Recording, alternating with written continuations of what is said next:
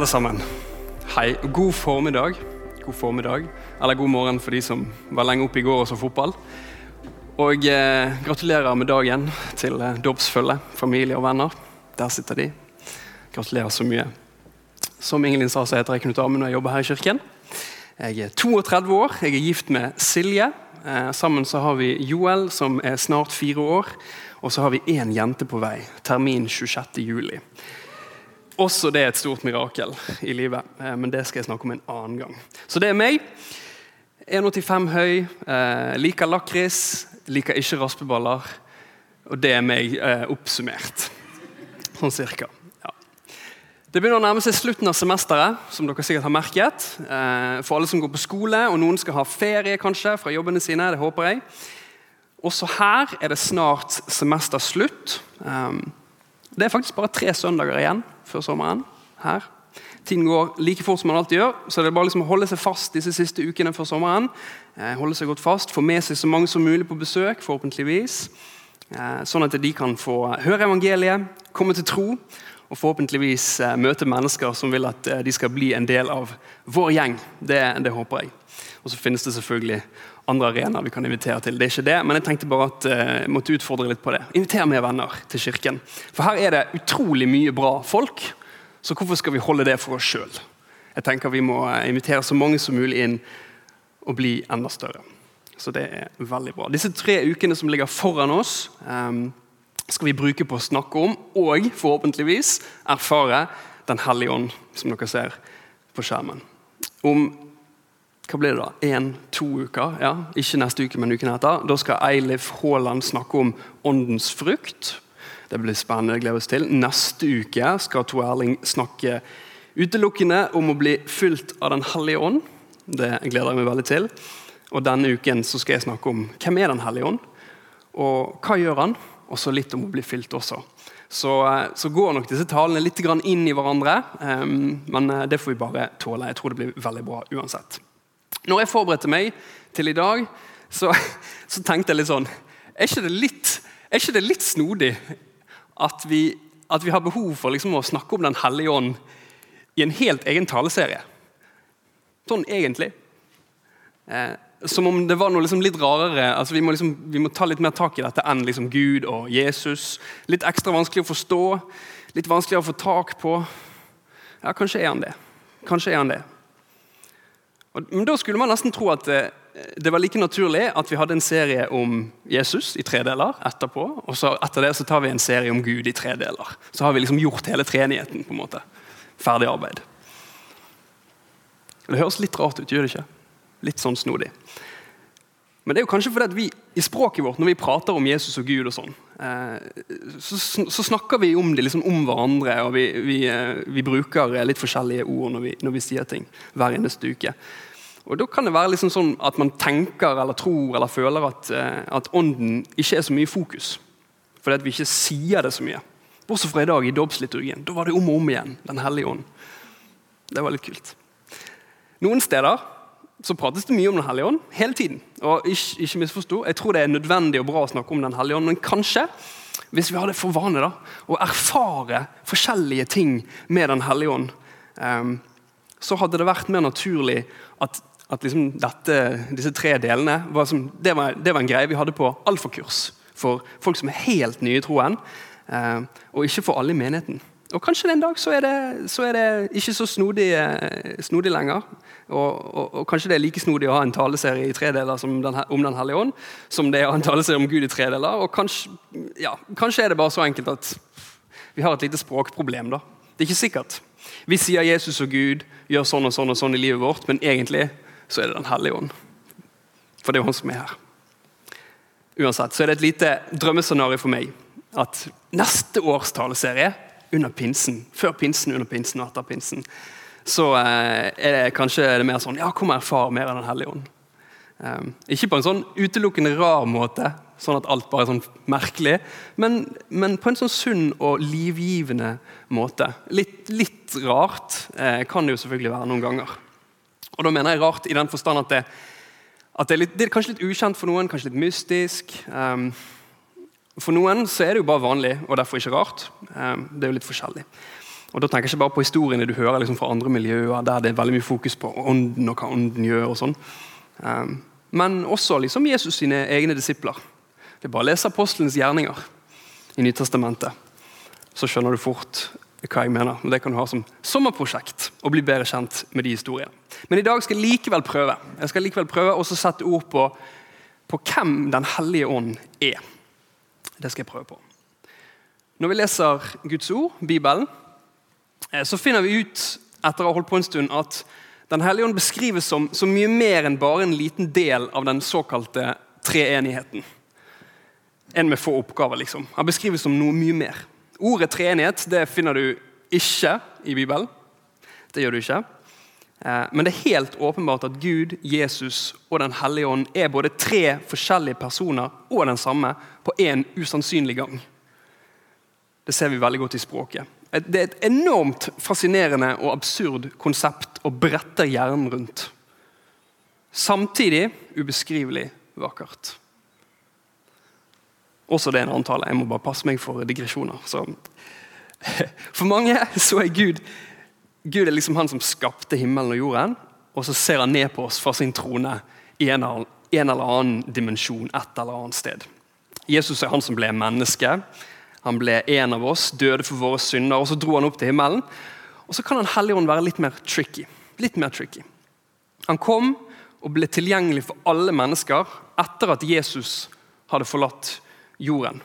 Men så står det så mye snodig. Jeg tenker liksom, må det, må det være så heftig eh, hele tiden? Er det sånn at man må bli så rar og fremmed og nesten svevende hvis jeg skal ha noe med han å gjøre? Er vi der? For Det er vel det som er målet liksom, etter disse tre ukene og eh, et liv sammen med Jesus og med Den hellige ånd. er jo at, at vi ikke bare skal liksom, ha litt mer fakta klart for oss. Vi har vel lyst på et liv liksom, der ånden bor i oss ja, men mer enn det. Et liv han får virke gjennom oss, og vi får erfare hans kraft og påvirkning i helt vanlige ting og en del uvanlige ting. Jeg tenker iallfall at det er bra. Og Hvis du ikke vil det, så er det selvfølgelig ingen som kan tvinge deg til det.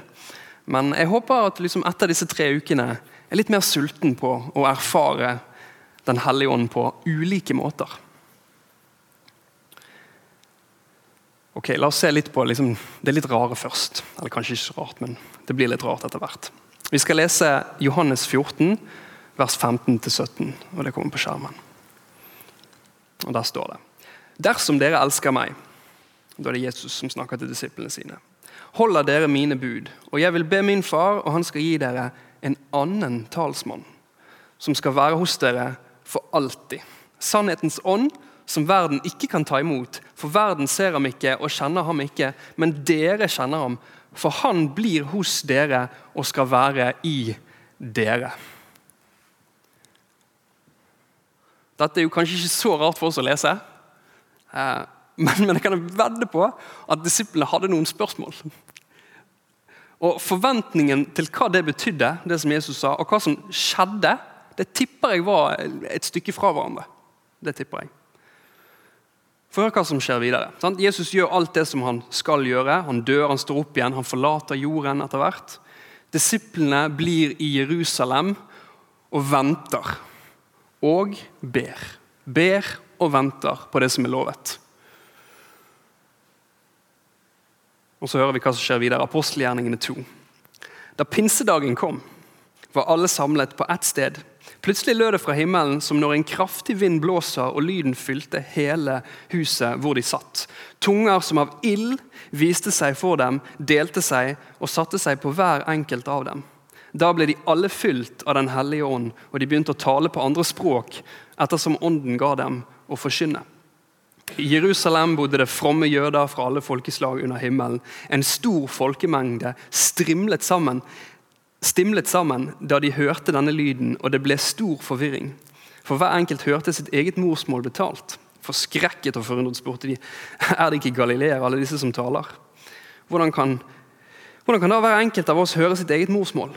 Vi er partere med dere, og elamitter. Folk som bor i Mesopotamia, Judea, Kappadokia, i Pontus og Asia, Frygia, Pamfylia, i Egypt og Libya, områdene mot Kyrene og innflyttere fra Roma, jøder og proselytter.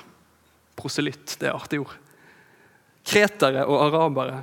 Og vi hører dem tale om Guds storverk på våre egne tungemål. De, de visste ikke hva de skulle tro. Og Forvirret spurte de hverandre hva er dette for noe. Men noen gjorde narr av dem og sa de har drukket seg full på søt vin. Og Dette er jo problemet for veldig mange rundt omkring.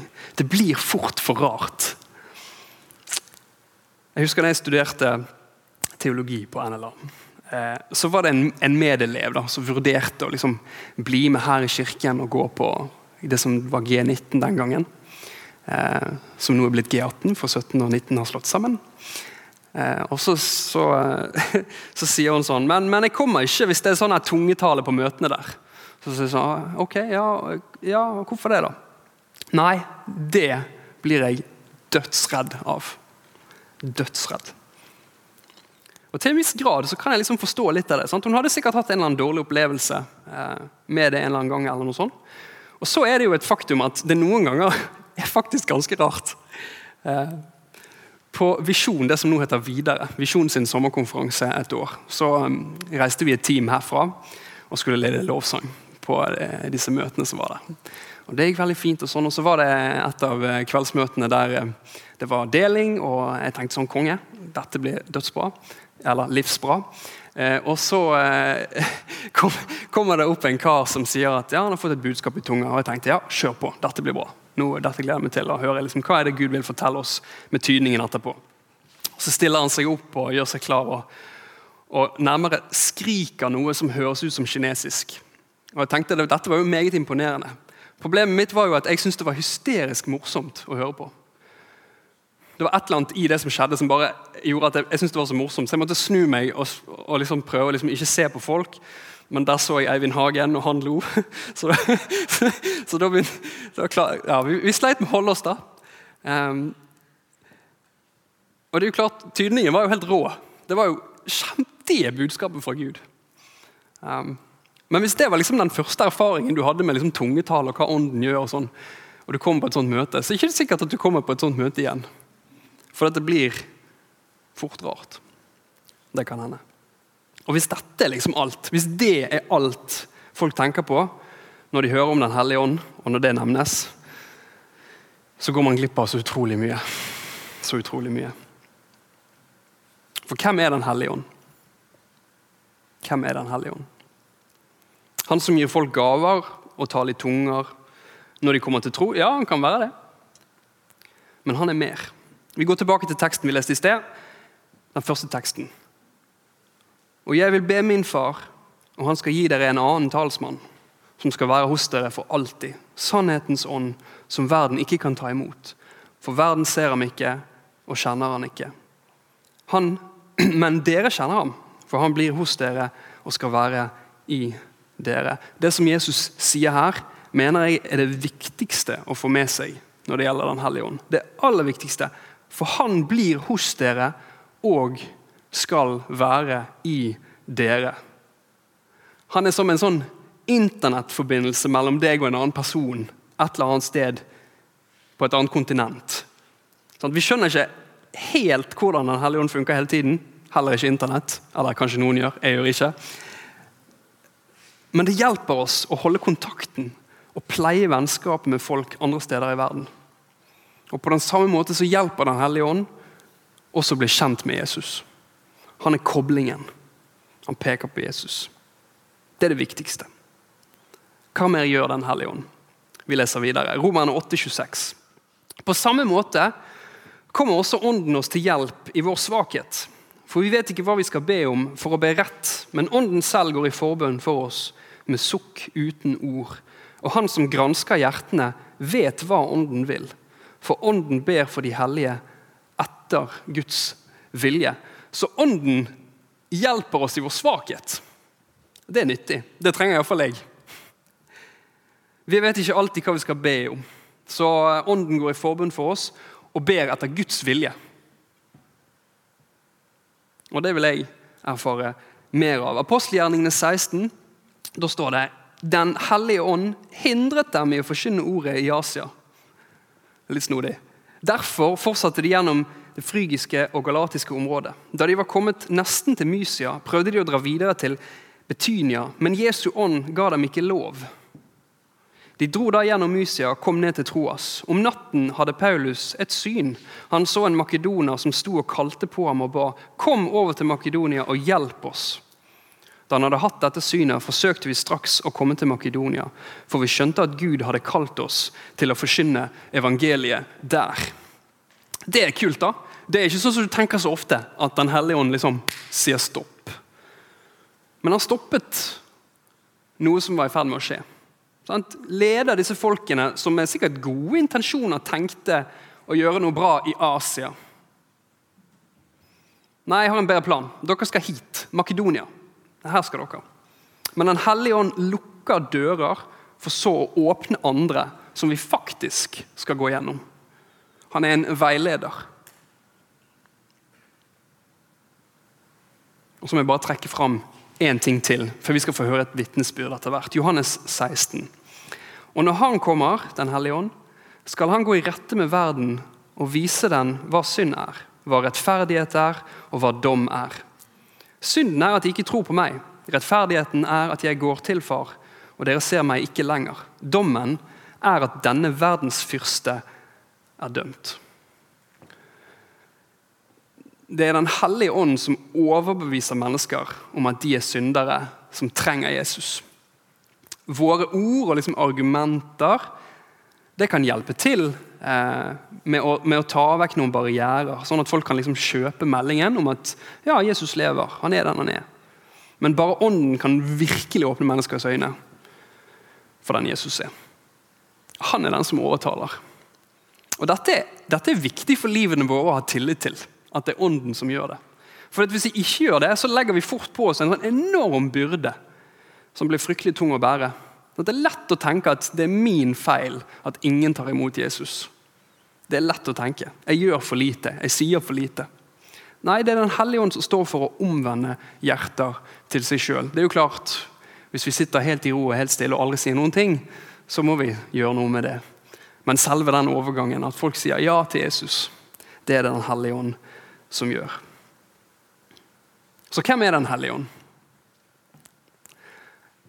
Den hellige ånd han er talsmann. Han er vår hjelp i nød. Han er vår forbeder, han er vår veileder. Han er vår døråpner, han er vår beskytter, han er vår trøst, han er vår fred. Han bor i oss. Han er vår kilde til kraft. Han overbeviser om synd. Han peker på Jesus. Han er vår Gud. Han er mer. Vi lærer at når vi tar imot Jesus og sier at vi vil tro på han, stole på han, følge han, så flytter Den hellige ånd inn. Det er jo det som skjer. Men så ser vi òg at både i Det gamle testamentet og det nye at folk blir fylt av Ånden på ny og på ny. Igjen og igjen. Og Det kan sikkert være litt forvirrende språk. Men i Gammeltestamentet så, så ble ulike typer til ulike tider fulgt av ånden for forskjellige ting. F.eks. For Samson, som fikk en enorm, usannsynlig styrke. Fylt av ånden. Og mange andre historier fra Det gamle testamentet. Etter Jesu tid og virke så kan alle troende bli fylt av ånden. Og Trond skal fortelle oss nå et lite vitnesbyrd om første gangen det skjedde med han. Så vær så god, Trond. Ehm, jeg har lyst til å ta dere med ca. 30 år tilbake i tid. Ehm, og noen, sikkert noen som tenker at ja, men jeg var jo ikke født på den tiden. Men jeg kan love dere det at Den hellige ånd var der. Og Jeg opplevde På den tiden der så opplevde jeg det at jeg eh, møtte veggen noe så duelig. Og eh, Det var ikke bare en vegg, det var en betongvegg. Og jeg følte det at uh, livet var fryktelig mørkt. Jeg greide ikke å se lys egentlig noe sted. Og jeg syns det var eh, ekstremt eh, krevende å være i en sånn situasjon.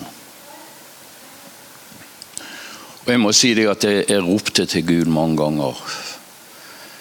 Dette kan du ikke la meg være i.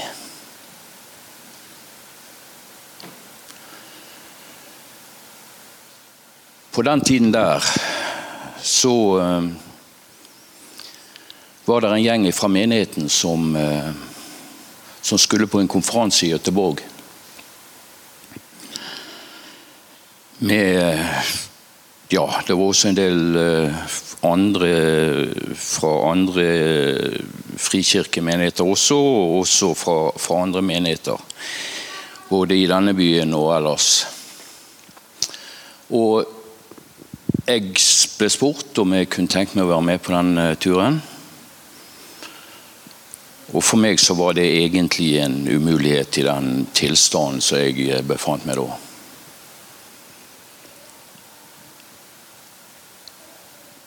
Så var det en eh, som eh, skulle reise nedover der, som eh, tok kontakt med meg og sa det at Trond, du skal dra på den turen der. Jeg føler at Gud har sagt til meg at, at du skal dra av gårde, og jeg syns det var brutalt. Men jeg hadde bedt egentlig i ganske lang tid om at Gud virkelig måtte eh, møte meg på en livsforvandlende måte.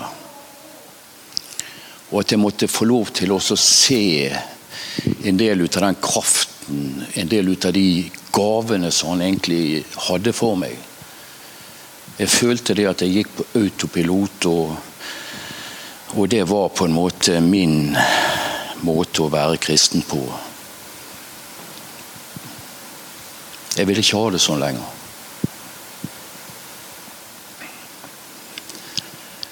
Jeg blei med, og jeg husker det at på toget nedover til eh, Göteborg så sa jeg mange ganger til Gud eh, Er du sikker på at dette er rette timingen?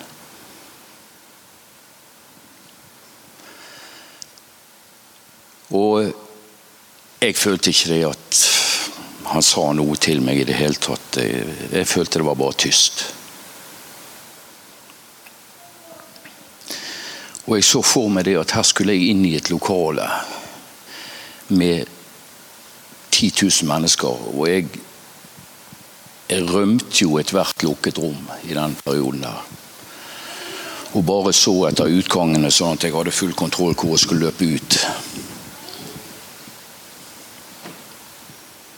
Og så skulle jeg sitte inne i en svær arena med alle disse menneskene.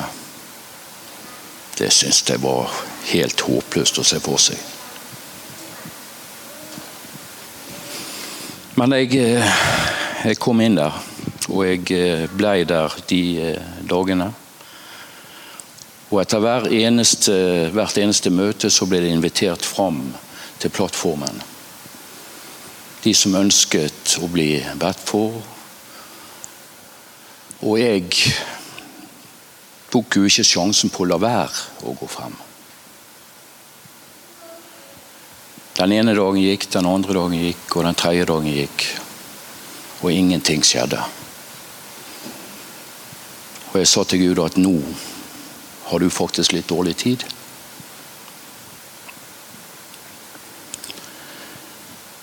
Og Den siste dagen så skjedde det samme. De ba folk om å komme frem som ønsket å bli vært for. Og der sto altså en av disse medarbeiderne til eh, John Wimbo. Nesten litt sånn puslete type, vil jeg nesten kalle han.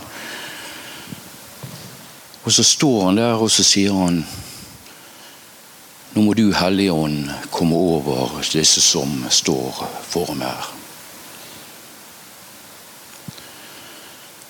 Og jeg så det at folk begynte å bevege seg litt sånn eh, underlig. Og plutselig så kjente jeg bare det at øyelokkene begynte å vibrere. Og jeg bare kjente en enorm glede og, og fred som bare fylte meg helt opp. Og Jeg bare kjente at beina var i ferd med å svikte, så jeg bare slang meg over han som var foran meg. Over skuldrene hans. og det var jo en hyggelig fyr, jeg fikk å snakke med han etterpå om. Men uh, hva, hva, jeg gjorde med, med hendene over skuldrene hans, det måtte jeg jo forklare etterpå, da. Uh, men det var altså en sånn berøring av Guds hånd som, og Den hellige ånd som jeg aldri har kjent noen gang.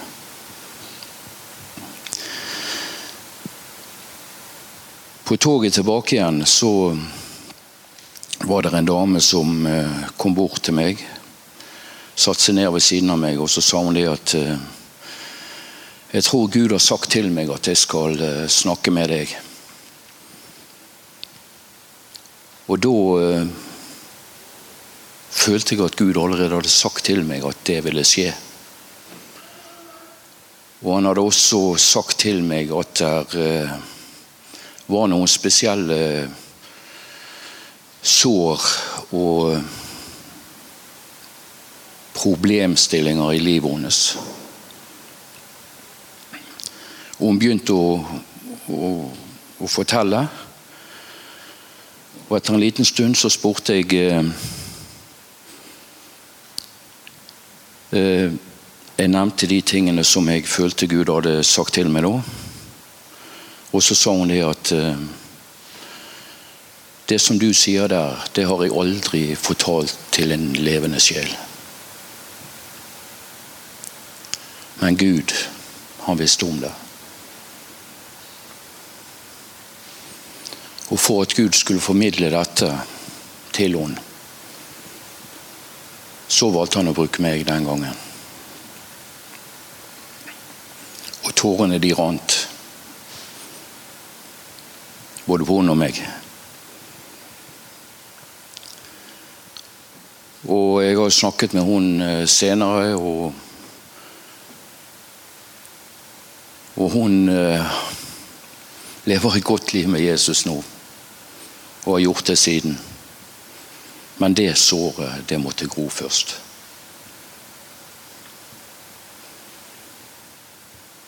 Er jeg spesiell? Nei. Det er jeg ikke. Men jeg ba virkelig Gud om at han måtte åpne noen nye øyne for meg så jeg kunne få se inn i den enorme rikdommen hans.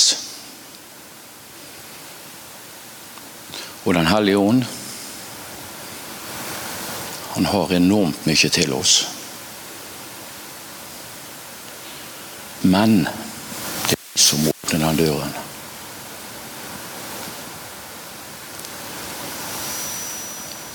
Og det er utrolig mye spennende han har for deg, og han har for meg. Tusen takk, Trond. Jeg syns det er like sterkt hver gang jeg hører historien din. Hva ånden gjør i folk. Jeg pleier å tenke at, eh, og jeg har lært at eh, ånden er, er i meg for meg. Og så er han på meg for andre. Og alle de tingene som skjer i oss, og det som Den hellige ånd gjør for å hjelpe oss og styrke oss, det er kanonbra. Og Så er det en dimensjon av at eh, vi blir utrustet, som Trond snakket om, til å tjene andre. Og det er jo så viktig. Og der er det en enorm rikdom som eh, iallfall jeg ønsker mer av. Og som jeg har lyst til å utfordre deg òg til å søke mer om. Nå er ikke dette en tale om de åndelige nådegaver, men det er også en del av hva ånden gjør. Hvis du er her neste uke, så vil Tor Erling snakke enda mer i dybden om det å bli fylt av Ånden. Så dette blir en liten smaksprøve på det. til slutt, og teamet kan gjøre seg klart. Min bønn er, som jeg sa i starten, at eh, jeg vil at vi skal få oppleve, virkelig erfare Ånden i livene våre til det vi trenger. Eh, så jeg tenker liksom Der du eh, sitter nå, hvis du er åpen for det, eh, så kan du få lov å lukke øynene. Bare lukke øynene. Puste dypt. Og så sier du inni deg til Den hellige ånd. Fyll meg opp, Hellige ånd, og gi meg det jeg trenger for meg sjøl. Og gi meg det du vil at jeg skal gi til andre. Fyll meg opp, Hellige Ånd, og gi meg det jeg trenger for meg sjøl, og det du vil at jeg skal gi til andre. Så sier vi amen. På sånne dager som dette så er det kanskje noen som er her som ikke har sagt ja til å følge Jesus ennå. Det, det hender.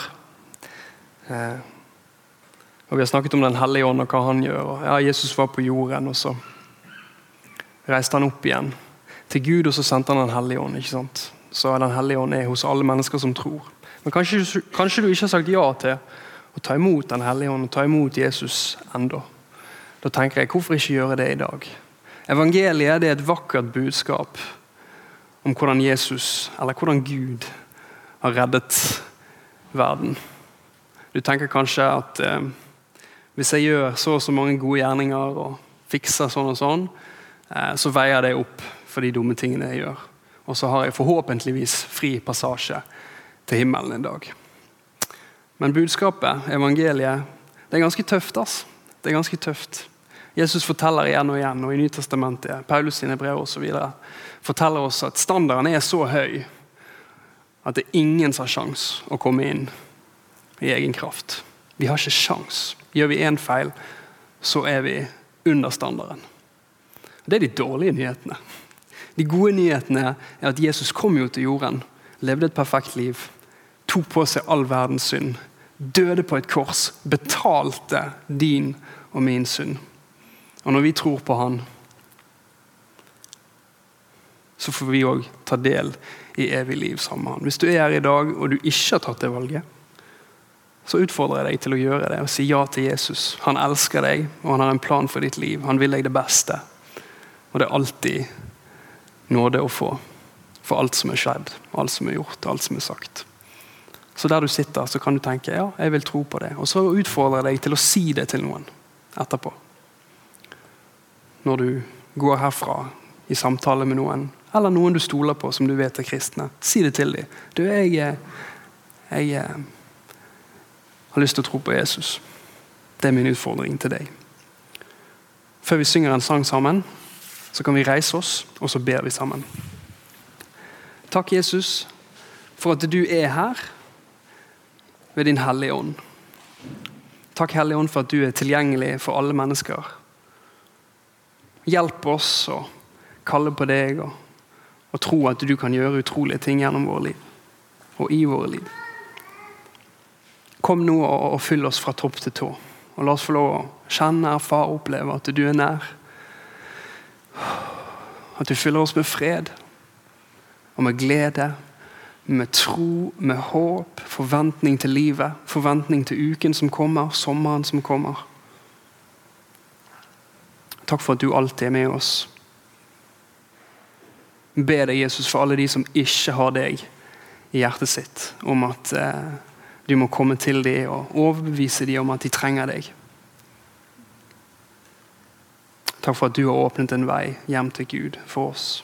Jeg ber deg, Jesus, om at disse neste tre ukene, når vi skal prate om Den hellige ånd på gudstjenestene og i cellegruppene og i smågruppene osv., om at eh, vi får høre historier om hva som skjedde fordi at vi lot Den hellige ånd få lov å påvirke og gjøre ting i våre liv.